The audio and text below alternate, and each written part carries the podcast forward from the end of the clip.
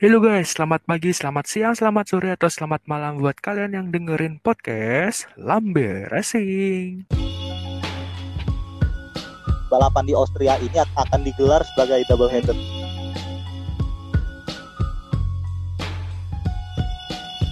Gue gak bisa ngasih ekspektasi lebih lah buat Ferrari.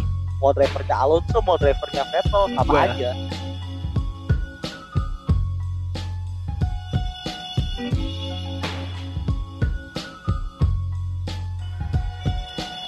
Rosberg lebih worth it daripada Schumacher. Oke guys, masih di suasana work from home dan PSBB. Kali ini kita akan membahas satu hal yang spesial. Nah, spesialnya di sini mungkin eh, di satu saat kita akan menjadikan segmen khusus yaitu segmen What If. Ya, seperti yang kita tahu, kayak yang udah-udah terjadi di misal di Marvel atau apa. What If ini kan kayak kita membahas hal yang mungkin terjadi gitu. Maksudnya kayak alternatif alternatif yang akan terjadi. Nah, kita kurang lebih kita juga sama nih. Tapi sebelumnya, seperti biasa nih, kita akan perkenalkan diri karena kita juga cuma sendiri nih seperti biasanya. Yang pertama ada gue di sini, gue Ken. Ada gue Krida, Gua Ferdian. Gue Eca, Ya, itu tadi itu tadi teman-teman Gue, gue yang akan mengisi podcast ini. Dan seperti biasa juga pertama ya, yang pertama kita lakukan adalah update nih. Nah, ini mah ngomongin update nih. Ada satu update eh, dari MotoGP nih. Nah, di MotoGP sendiri ternyata ada eh, ada balapan yang di cancel. Ada tiga balapan nih. Yaitu yang pertama balap GP Jerman di Sachsenring terus ada juga dari Belanda yaitu GP Essen dan yang terakhir yang ketiga ini yang baru nih Finland GP di sirkuit Kimi Ring. Nah tiga-tiganya ini ceritanya di cancel nih. Wah ini sedih banget. Gimana nih menurut kalian? Oke, kalau dari Udah. gue sendiri Hmm, sebenarnya ya daripada gak ada yang tahu juga kan ending dari pandemi corona ini kan kita gak bisa memprediksi kapan pastinya bakal berakhir. Ya untuk menghindari sesuatu yang nggak ing- nggak diinginkan mau gak mau ya udah mending di cancel aja sih. Soalnya kan juga bulan Juli no diadainnya Juni Juli Asen, Sachsenring sama Kimi Ring. Kimi Ring ini kan di pertengahan Juli terus kemungkinan juga banyak prediksi yang bilang untuk pandemi corona sendiri kan berakhir di Oktober. Jadi kalau di cancel ya it's okay aja. Oke, oh ya ngomongin MotoGP Yoi. tadi kan hmm, ada beberapa balapannya di cancel ya. Nah ternyata di F1 juga ada balapan di cancel nih.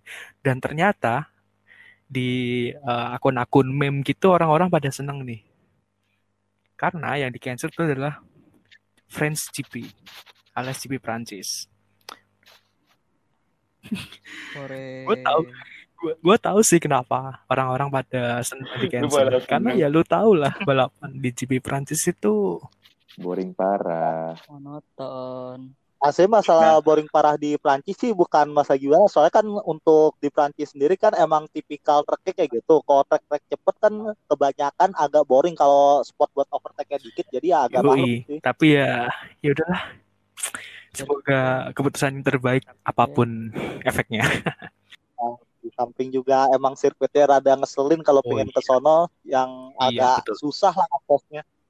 Layoutnya juga rada kurang enak. Nah, ini. Layoutnya juga rada bangke kan.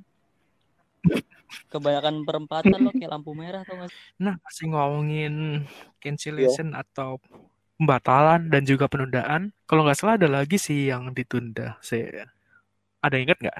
Oh iya. Ah, ah, untuk ajang Intercontinental GT Challenge Spa 24 jam yang sebelumnya kan yang sebelumnya itu kan digelar kan tanggal 25 sampai 26 Juli nih. Nah, eh, untuk tanggal barunya barusan aja diupdate itu pindah ke Oktober tanggal 24 sampai 25. Jadi eh, balapannya udah di musim udah musim gugur lah itu Nah, nah ngomongin tanggal pendat pengganti nih tanggal penggantinya. di ajang balapan mobil populer yaitu F1, kabarnya baru-baru ini sudah merilis kalender untuk sementara. Nah, kalender ini itu istilahnya untuk gimana ya eh, jadwal balapan sementara gitu yang sekiranya akan digulirkan di Austria ya. Iya. Untuk startnya kemungkinan di Austria diadakan dengan keadaan close track tracknya tertutup untuk umum dan rumornya balapan di Austria ini akan digelar dengan akan digelar sebagai double header. Iya. Oh. Jadi Double header kayak- maksudnya gimana tuh? apa sih? Jadi tuh satu kayak modelan tuh kayak Formula 1 gitu loh. Jadi Kayak di hari. FA gitu lah.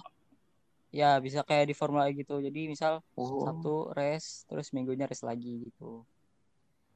Dan juga Jadi Oh, iya iya iya. ya, Jadi kehitung dua tuh, round ya. eh, bos dari McLaren Andreas Seidel tuh udah ngomong kalau ini tuh bukan isu yang besar gitu karena mereka sendiri udah kangen balapan karena udah hampir setengah tahun Iya. nggak ada balapan sob dan mereka sendiri tuh udah Iya sih. pengen bersiap-siap buat winter break biar mereka tuh udah bisa ngedevelop mobil tahun depan karena kan Bukan ke eh, depan sih buat 2022 sih, soalnya kan diundur juga. Tapi McLaren Iya. kan 2021 Jadi ganti dia- sasis kan. Eh bukan ganti sasis, ganti mesin. ya Dia ganti power unit mau gak mau sasisnya Oh, iya harus juga dibuild buat nyesuaiin masuk power unitnya Mercedes. ya jadi makanya McLaren jadi yang paling setuju Tapi sih di sini Tapi sebenarnya nggak Ah, cuma iya. McLaren sih. Kita juga juga kangen balapan kan. Yo, Ya kita semua gabut gak sih lo? Kayak misalkan Sabtu Minggu lo ada acara kalau kalau gak nonton bola gitu, apa jalan malming gitu sama temen. Kalau gak punya pacar lagi ngebucin gitu, kalau gak punya ya bisa lah nonton F1 iya, apa main ini PS. harusnya Pal Jomblo ini aduh antusias sekali nih. Eh, gue mau nambahin dong. Oke, Iya. Jadi eh, buat di gue liat di formula1.com. Jadi eh, kemungkinan 2020 kalendernya tuh ada 15 sampai 18 race yang ada di tahun tahun ini. Jadi eh, terakhir di masih di Abu Dhabi, sebelum Abu Dhabi bukan Brazil tapi Bahrain. Oh, jadi Oh. Bahrainnya tuh yang awal musim dipindah Iya di buat reschedule gitu. logistik Iya. juga nggak sih? Yes. Iya, iya. Soalnya kan lokasi Iya, juga iya, iya. gak jauh gitu antara Sama-sama Bahrain sama Tengah ya? Uni Emirat Arab. Satu wilayah lah. Nah, dengar-dengar juga ini ada sirkuit yang pengen mencalonkan diri di 2020 ya buat gantiin race-race yang dibatalkan. Ya, salah satu balapan Eh, paling dramatis tahun lalu yaitu Jerman GP. Nah, itu sirkuit Hocken Hockenheimring itu kabarnya nih, ini baru isu sih. Dia ingin mencalonkan diri sebagai uh, tempat untuk balapan pengganti di 2020. Ya kabar yang bagus. Tapi aslinya gak cuma Hockenheimring juga loh. Ada juga sirkuit di Portimao di Portugal. Untuk lo semua yang mungkin yang pernah nonton Superbike atau mungkin ajang-ajang lainnya pasti udah gak familiar gitu sama ini sirkuit di Algarve Portimao. Oh iya itu kabarnya sirkuitnya tuh barusan banget dapat sertifikat Grade grade A loh. Eh grade grade, Grade A tuh one, grade, grade One ya? Grade one. grade one. grade one ya. Cuman ya itu kalau misalkan kegelar nih tapi ya. balapannya nantinya bakal jadi kayak di Catalunya yang agak boring nih. Boring ya harap maklum soalnya karakteristik sirkuitnya sendiri ini aslinya gak beda jauh loh sama Catalunya. Naik turun terus ada westernnya gitu di di last cornernya ya gak beda jauh sih tapi masih lebih banyak corner yang membutuhkan hard braking dibandingkan sama di Catalunya gitu. Ya mungkin itu update-update dari dunia motorsport. Ya 2020 ini tahun yang lucu ya. Contohnya di F1. Musim 2020 yang harusnya start di Australia, kemungkinan bakal start di Austria. Tapi sesuai judul dari episode kali ini yaitu What If, lu kebayang nggak sih? What if atau gimana jadinya seandainya nih 2020 ini benar-benar start di Australia alias berjalan dengan normal. Ini bakal menjadi perdebatan sih. Menurut kalian gimana nih? Tim apa yang kira-kira berjaya atau tim apa yang kira-kira anjlok? Apakah Williams bangkit mungkin gitu? Menurut kalian gimana nih? Eh, kalau misalkan di Aus- Australia sendiri kalau start di Melbourne di Albert Park mungkin ya kita akan melihat Max Verstappen akan menuju ke masa-masa kemasannya memulai masa-masa peaknya dia menjadi calon juara dunia atau mungkin kita melihat Mercedes OP lagi dengan sistem dasnya yang baru atau mungkin juga kita bisa ngelihat Haas yang kembali ngelawak untuk ketiga kalinya Aduh, secara dong. beruntun di Albert Ya, Park. sumpah masa tiga kali hat trick dong. Kasian. Masa iya dari 2018 2019 mengalami hal yang sama itu satu kali lagi dapat piring cantik itu Has. diskon tim soalnya Gaya, ya, gaya. Itu tadi pendapat dari Krida nih. Dia berpendapat Bisa, kalau bisa. bisa jadi Max Verstappen akan mulai kejayaannya atau Mercedes kembali mengulangi kejayaannya di tahun seperti tahun lalu. Nah, menurut kalian yang lain gimana nih pendapat kalian? Kira-kira apa yang terjadi seandainya musim berjalan dengan normal dan start di Australia? Eh, pe- ya dari gua dulu ya. Menurut Ya. gua sih sama aja kayak tahun-tahun sebelumnya. Mercedes masih masih di depan. Tapi gua agak agak gimana ya? Masa, eh, ngelihat antara persaingan antara Red Bull sama Ferrari nih. Gua lebih prefer kayak lebih kelihatannya sih lebih Red Bull yang di depan dibandingkan Ferrari gitu. Cuman kayaknya kalau misalkan Mercedes kembali berjaya di awal musim kita lihat kayak musim 2017, 2018 kan si Mercedes ini kan gak stabil, gak OP banget no. Kalau di awal-awal Iya pasti sih. ada masalah. Oke, mungkin uh, teman-teman pendapatnya mungkin lebih ke tim yang paling atas ya. Sekarang ini ada pertanyaan yang lebih seru lagi nih. Tapi masih di topik yang sama yaitu what if season start in Australia. Nah, kalau tadi kan ngomongin kira-kira di papan atas siapa. Sekarang gimana kondisi papan tengah? Apakah McLaren kembali menguasai papan tengah atau mungkin Haas tiba-tiba menguasai papan tengah? Menurut kalian gimana nih? McLaren sih kayak masih McLaren. Racing Point keempat, McLaren kelima. Oke, Gue megang paling depan Renault, di bawah Renault beda mungkin 1-2 poin kalau misalkan sampai tanggal per tanggal ini ya. Misalkan masih berjalan normal, yang di papan tengah pertama Renault, kedua McLaren, ketiga Racing Point, habis itu ada Alfa Tauri, di bawahnya Alfa Tauri ada Alfa Romeo, terus juga ya seperti yang kita tahu Williams paling bawah Haas. Soalnya Haas kan lagi bermasalah, no. apalagi hasil testingnya dia yang paling Oke, geblok uh, di sendiri. sini gue melihat ada dua cabang ya. Di sini ada satu kubu yang bicara McLaren bakal men- menguasai papan tengah dan yang satunya Racing Point. Gue penasaran nih. Oke lah, Racing Point kita tahu kenapa dijagoin menguasai papan tengah karena desainnya yang istilahnya mencontek dari Mercy, ya kan? Nah, gue nggak Ya, paham betul banget. kenapa kenapa Renault. Banget. Gue masih nggak paham. Why Renault? Oke, kenapa Renault? Kenapa gue milih Renault? Drivernya pertama, siapa drivernya? Ada Daniel Ricciardo, ada Esteban Ocon. Terus Renault juga memboyong salah satu Oh si Pat Fry, si Pat Fry kan si Pat Fry ini jadi salah satu aktor penting di mana McLaren bisa kembali bangkit di musim 2019. Nah dia dicomot sama Renault. Gue percaya kalau misalkan musim berjalan lah Renault bakal di atas McLaren tapi tipis mungkin beda 1-2 poin di Renault. Oke, eh, itu pendapat lu ya.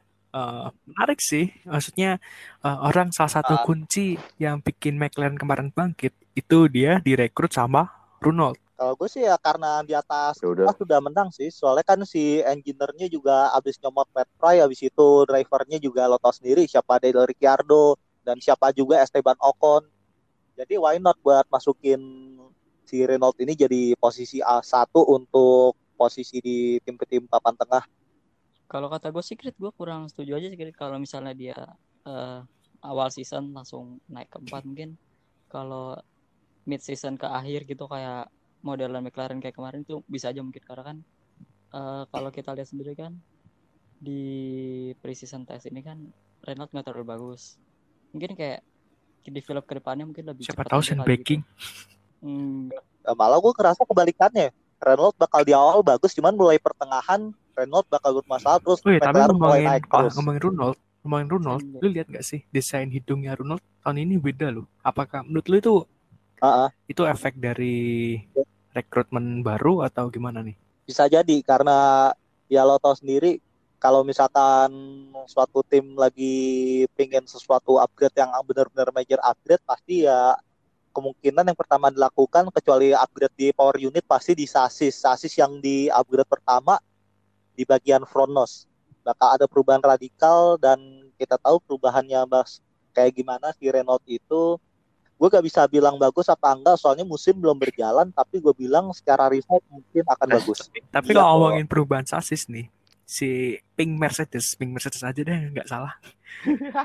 Dia juga mengalami perubahan sasis yang radikal loh. Maksudnya lu lihat deh konsep apa namanya konsep desainnya. Itu sekarang lebih mirip-mirip ya mendekati ke Mercy lah. Kenapa lu nggak nggak memilih Racing Point gitu sebagai pemuncak dari papan tengah gitu atau F1.5 gitu kalau orang bilang. Uh, Oke, okay, mungkin opung juga mungkin agak aneh. Ya seperti lo tahu, drivernya sih di gue kenapa milih Renault sama McLaren yang di atasnya Racing Point. Ya kita lihat dulu dari drivernya sendiri si Sergio Perez bukan tipikal driver yang konsisten. Dan juga si Lance Stroll ini dia walaupun Sunday driver kalau di MotoGP yang kita tahu seperti Alex Rins gitu, Lance Stroll untuk kualifikasinya belum belum menampilkan hasil yang terbaik. Nah, si Force India ini kan juga kalau gak salah kan nyontek kopas dari sasis musim kemarin Mercedes. Jadi mungkin bisa jadi sasis tim-tim papan tengah sekarang jauh di atas atau mungkin lebih baik daripada sasis Mercedes musim kemarin. Ya kayak oh, gitu aja. Lu gimana, Sa? Pembelaan lu gimana nih terhadap pressing point nih? Hmm, gak sih, ya fine-fine aja sih. Uh, apa argumen Krida. Cuma gue masih gak setuju sama Renault-nya aja kayak jadi desain desain desainnya Racing Point kan benar-benar absolutely beda banget dibanding sama tahun kemarin. Sementara kalau Renault kan cuma kayak bertahap-bertahap gitu. Jadi mungkin kurang kelihatannya kalau Renault. Makanya gue lebih prefer Racing Point daripada Gila Renault, sih, ini gitu baru topik sih. pertama udah udah debat. Lebih kelihatan aja gitu. uh, desain-desainnya tuh. Terus juga Racing Point kan di tes bagus ya emang meski kita tes bukan jadi apa acuan juga tapi kalau misalnya kita berpikir seolah-olah Renault itu sandbagging kayak enggak deh. Soalnya kita tahu sendiri ada oil loss lah ada ini itulah masalah di Renault. Ya kita nggak tahu itu sebenarnya apa sih masalah di Renault yang masih ada sekarang. Oke. Okay. itu aja sih. Well uh, jadi uh, perdebatannya cukup sengit ya antara Racing Point atau Renault.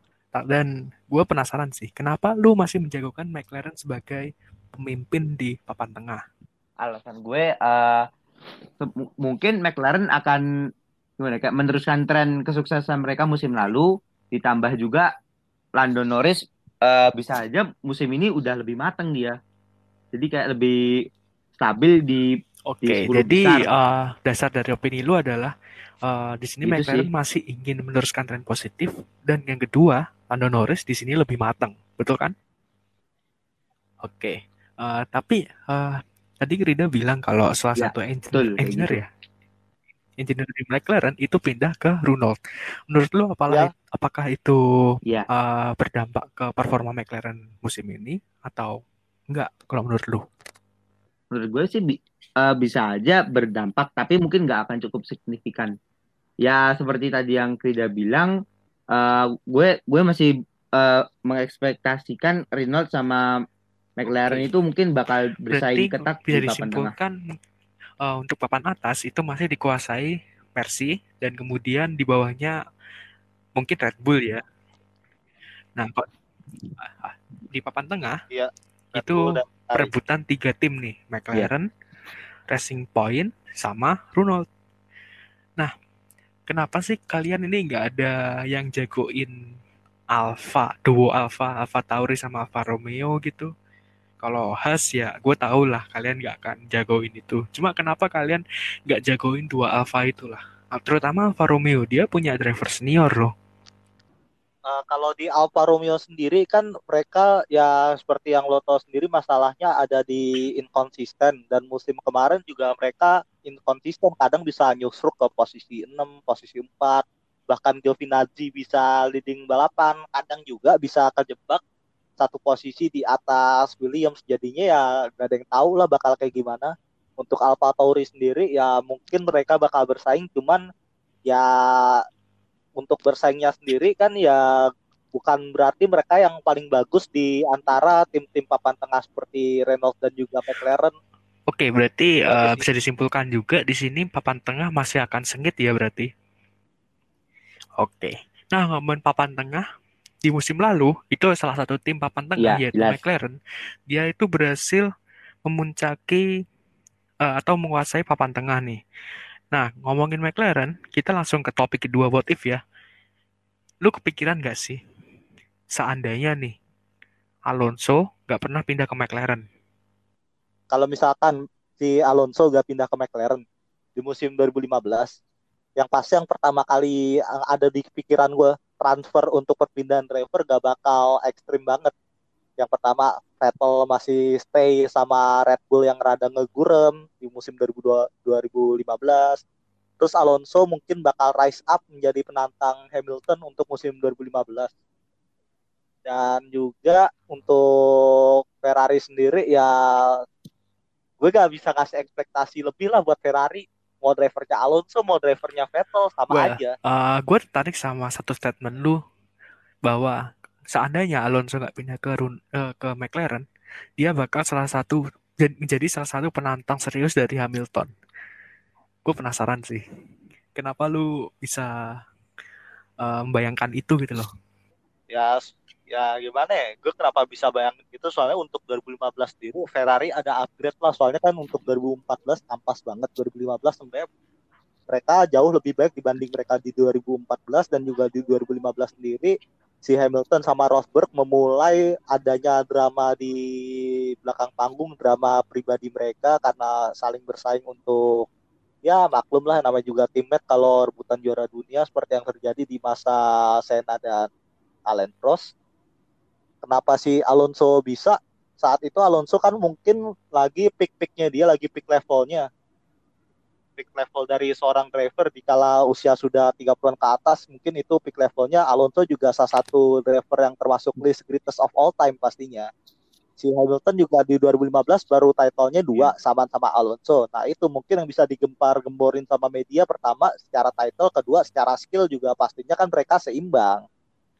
Jadi why not untuk mempertimbangkan Alonso sebagai salah satu penantang serius Ini dari keren Hamilton. sih, menurut gue. Gue juga setuju sih sebenarnya. Eh, mungkin Alonso bisa ya masih memperpanjang masa jayanya. Hmm. Nah, menurut kalian ada lagi nggak nih seandainya Alonso nggak pindah ke McLaren? Mungkin Alonso pindah ke tim lain gitu atau Wait, kalau menurut gue sendiri, gue eh, lebih memperhatikan Alonso hubungannya dengan Honda sih. Kenapa? Eh, lu tahu sendirilah eh, semenjak Alonso semenjak Honda Honda di McLaren ada Alonso juga.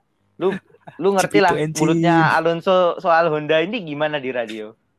Kalau dari gue sih mungkin ke lebih ke McLaren aja sih kayak motivasi McLaren buat bangkit itu kan bisa dibilang karena per- over pressure-nya Alonso yang benar-benar ngaruh banget ke McLaren hingga dia kan benar-benar ngaruh ke decision decision setiap decision dari McLaren kayak pindah dari Honda ke Renault contohnya itu kan bisa dibilang Alonso yang ngebantu supaya McLaren mau taken sama Renault apalagi ya Bukan tekan sama Renault sih, sebenarnya ngebantu si McLaren ini seenggaknya cepet-cepetan buat kelarin kontrak sama Honda.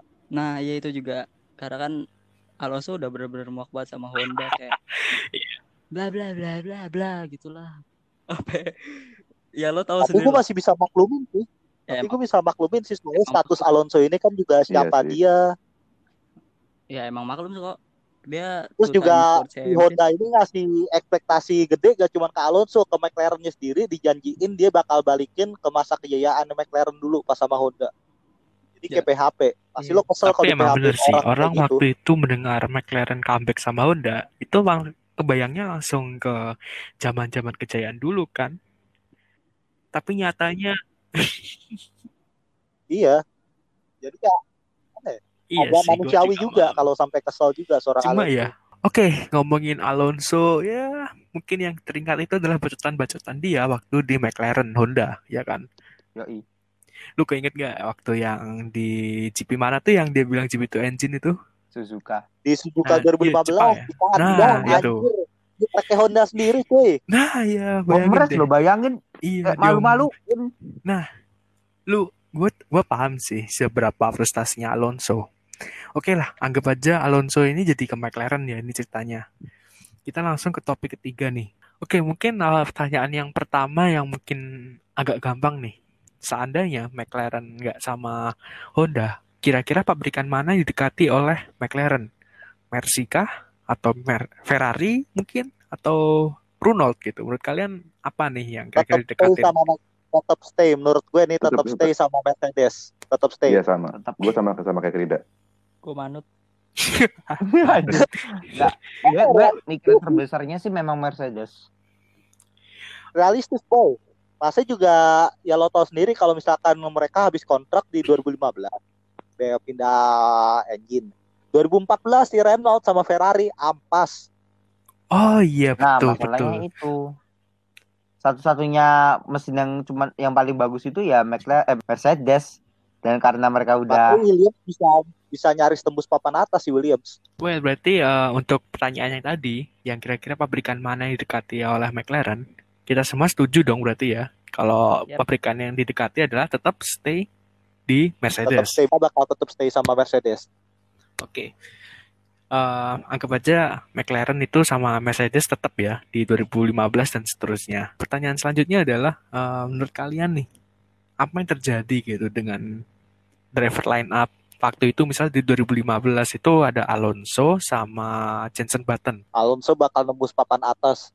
Button di bawahnya, mungkin satu dua posisi di bawahnya. Alonso mungkin di akhir musim bakal ketiga, terus si Button mungkin kelima.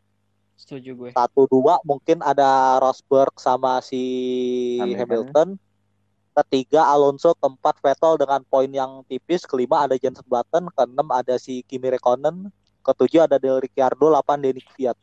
Wah gila Setuju, sih, ini lengkap banget nih analisisnya keren nih analisisnya. Eh, pertanyaan gue mungkin gini sih, kenapa lu yakin banget Alonso bisa dikatakanlah posisi tiga seperti yang lu bilang tadi gitu? Why? Kenapa gue bilang gitu? Dia dengan skillnya kita tahu siapa dia si Alonso ini, terus juga dia akan menampilkan hasil yang terbaik kalau balapan walaupun nggak selalu menampilkan terbaik dari semua yang ada di grid, tapi seenggaknya dia bakal nampil yang terbaik lah. Kenapa gue bisa yakin di posisi tiga? Pertama status dia di McLaren sebagai first driver. Kedua dari Ferrari-nya ya lo tau sendiri Kimi, Kimi Räikkönen sama Vettel gimana. Ya mungkin McLaren sama Ferrari bakal bersaing tapi bersaing untuk posisi kedua aja di konstruktor imbang lah gitu. Terus juga secara line up sendiri gue masih yakin kalau Alonso di atasnya Vettel. Soalnya Vettel juga sudah habis lah masa-masa kejayaannya dia bersama Red Bull dan juga di Red Bull dia musim sebelumnya dikalahin sama Daniel Ricciardo. Gue setuju sih sama argumen Krida tadi yang Alonso sama Button bisa aja jadi pengacau papan atas. Karena kalau kita lihat sendiri di musim 2015 ini eh, statistik berbicara kalau McLaren dari kedua mobil itu total ada 13 kali masalah retired dari total satu musim itu yang mana Fernando Alonso mengalami tujuh kali masalah sementara Button lima kali. Di ini tuh bisa kelihatan banget kalau masalah reali- reliability dari Honda ini benar-benar bermasalah dan wajar Alonso sama Button kayak tak berdaya gitu loh. Mereka berdua padahal sama-sama champion. Alonso two times world champion dan Button satu kali world champion. Ini tuh gak nggak disangka-sangka gitu loh bak- kalau bakalan sehancur ini padahal ekspektasi dari McLaren sendiri tuh terlalu gede. Nggak terlalu gede sih Udah Bisa gede, wajar lah kalau udah gede, udah, udah hype, udah hype orang. wajar wajar wajar wajar juga ya hype segitu kayak kayak eh, segitu Honda wajar. zaman 90-an lah ekspektasinya mungkin kayak gitu Udah berpikir mengembalikan masa kejayaannya dulu lah pas zaman McLaren. Ditambah driver-drivernya driver pengalaman semua dua-duanya. Nah iya. nah Nah. sama-sama udah champion Jadi, Si Button sama Alonso ini bukan driver yang sembarangan loh.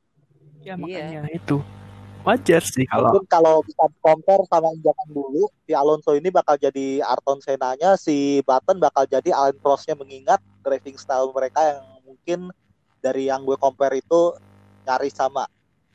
Terutama Button yang bawaannya smooth sama kayak Alain Prost. Ya, tapi itu kan ya ekspektasi, bayangan. Tapi ya kenyataannya kita tahu lah semuanya. Oh, overall setuju sih sama opini yang barusan. Tapi ada opini yang lain nggak yang kira-kira lebih debatable lagi mungkin atau yang lebih seru nih ceritanya? What if kalau misalkan McLaren nggak jadi fight sama Honda, itu hubungannya itu relate banget sama Alonso. Soalnya si Honda ini kenapa ngetain Alonso? Karena ya tahu Alonso kayak gimana diharapkan akan mendongkrak dan membantu development team. Kalau misalkan McLaren dia jadi sign sama Honda masih tetap sama Mercedes mungkin McLaren akan mempertahankan Kevin Magnussen. Karena secara status Kevin Magnussen kan akademi mereka sendiri. Terus juga ya tahu tahu sendiri kan dalam merekrut Alonso ini Honda membantu secara finansial terutama secara gaji. Gaji Alonso itu gede. Salah satu gaji yang terbesar kala itu well lumayan lah 50 juta untuk per musimnya bayaran Alonso dan itu ditanggung sama Honda juga Gue baru tahu nih kalau ternyata gaji dari Alonso itu yang nanggung Honda. Gue sumpah gue baru tahu. asli gak nanggung hitung-hitungannya gini, per musim di Honda ini ngebantu McLaren kasih subsidi gitu, kayak subsidi ganti rugi misalkan mereka mengalami kerugian karena pergantian mesin.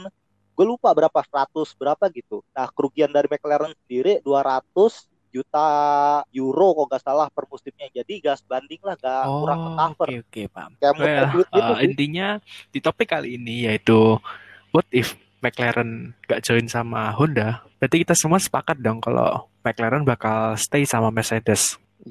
Iya. Well, Iya. kalau ngomongin Mercedes, kita coba deh lihat di musim 2016.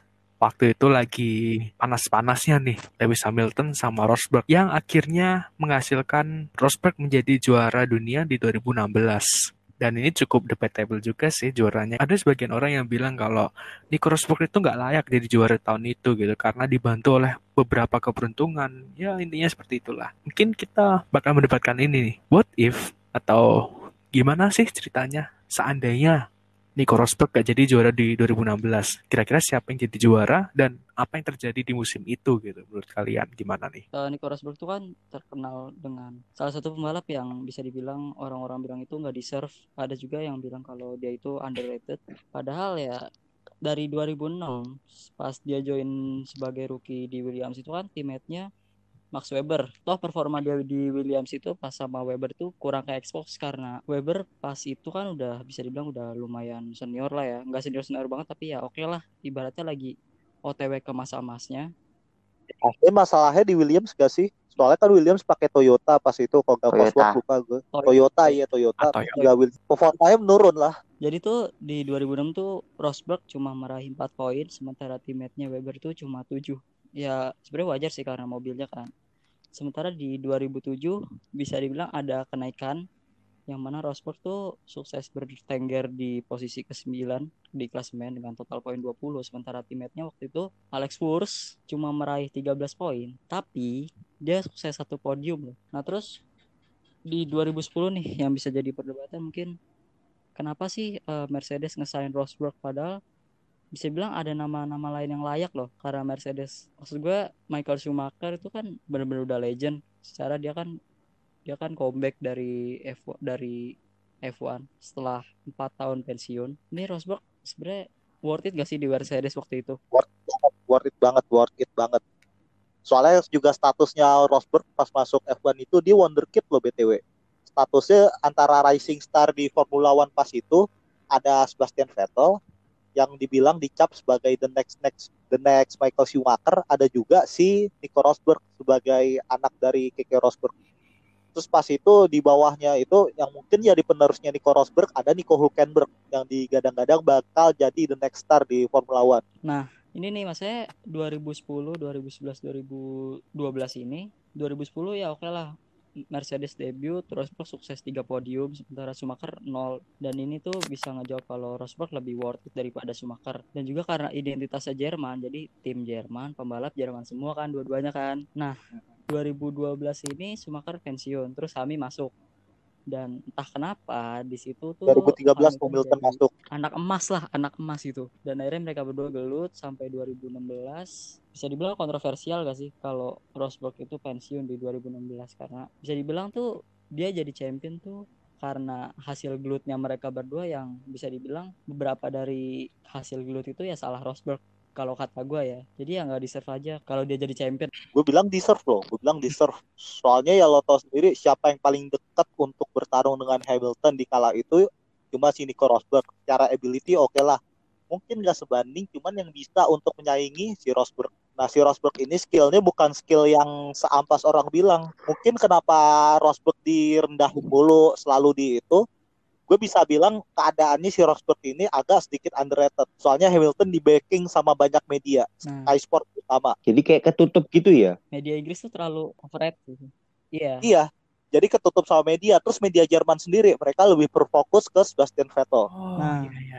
Media Iya. berpengaruh besar dalam image orang pembalap. Begitupun seperti yang kita lihat, mungkin yang nggak contoh gampangnya pemain bola lah, sampai ada istilah underrated, overrated kayak gitu. Well, Mm-mm. sepertinya topik ini kayaknya menghasilkan satu jawaban yang simpel yaitu Lewis Hamilton tetap jadi juara. Tapi kayaknya lebih seru ke perdebatannya sih.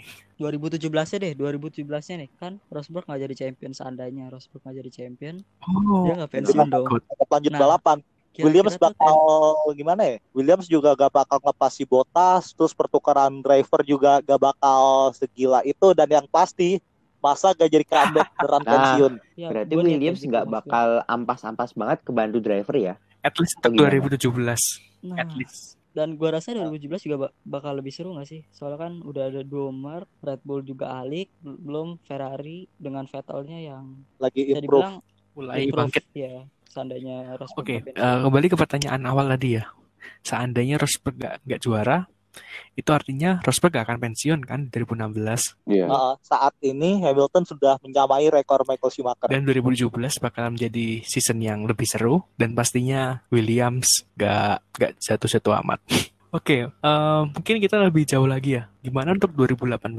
2018 sendiri yang gak bakal beda jauh. mungkin 19 yang bakal seru karena wonderkid wonderkidnya mulai keangkat kayak Verstappen sama Leclerc mulai panas gitu Iya. Cuman untuk 2019-nya sendiri kalau gue bilang nih misalkan Rosberg masih teammate sama Hamilton, gue bilang enggak mungkin salah satu bakal cabut sih gue bilang. Iya sih, bisa jadi juga karena kan emang ya kayak Hamilton sama Alonso 2007 aja sih, kan gelut mulu tuh berdua tuh.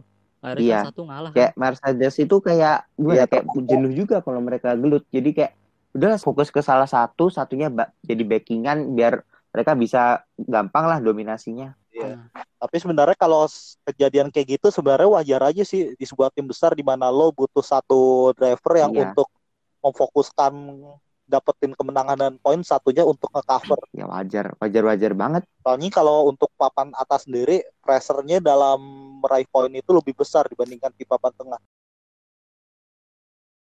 Well, mungkin Oh. itu aja bahasan di episode kali ini. Mungkin kita akan adakan episode atau segmen khusus what if yang lain yang gak kalah seru nih pastinya dan bisa jadi menimbulkan perdebatan yang sengit kayak tadi. Ya sebelumnya gue terima kasih kepada teman-teman yang bergabung di podcast ini. Ada gue, Ken, Gua Ada Ferdian, gue Krida, gue Etsa, Gue Imam. dan juga juga berterima kasih kepada teman-teman yang masih setia mendengarkan podcast Lambe Racing. Ya mungkin sekian episode kali ini dan jangan lupa jika teman-teman punya kritik, saran atau mungkin usulan kira-kira apa yang mau kita bahas di episode selanjutnya teman-teman bisa nih DM langsung ke Instagram kita yaitu @lambe underscore racing. Jangan lupa di follow juga ya. Ya, see you in the next episode.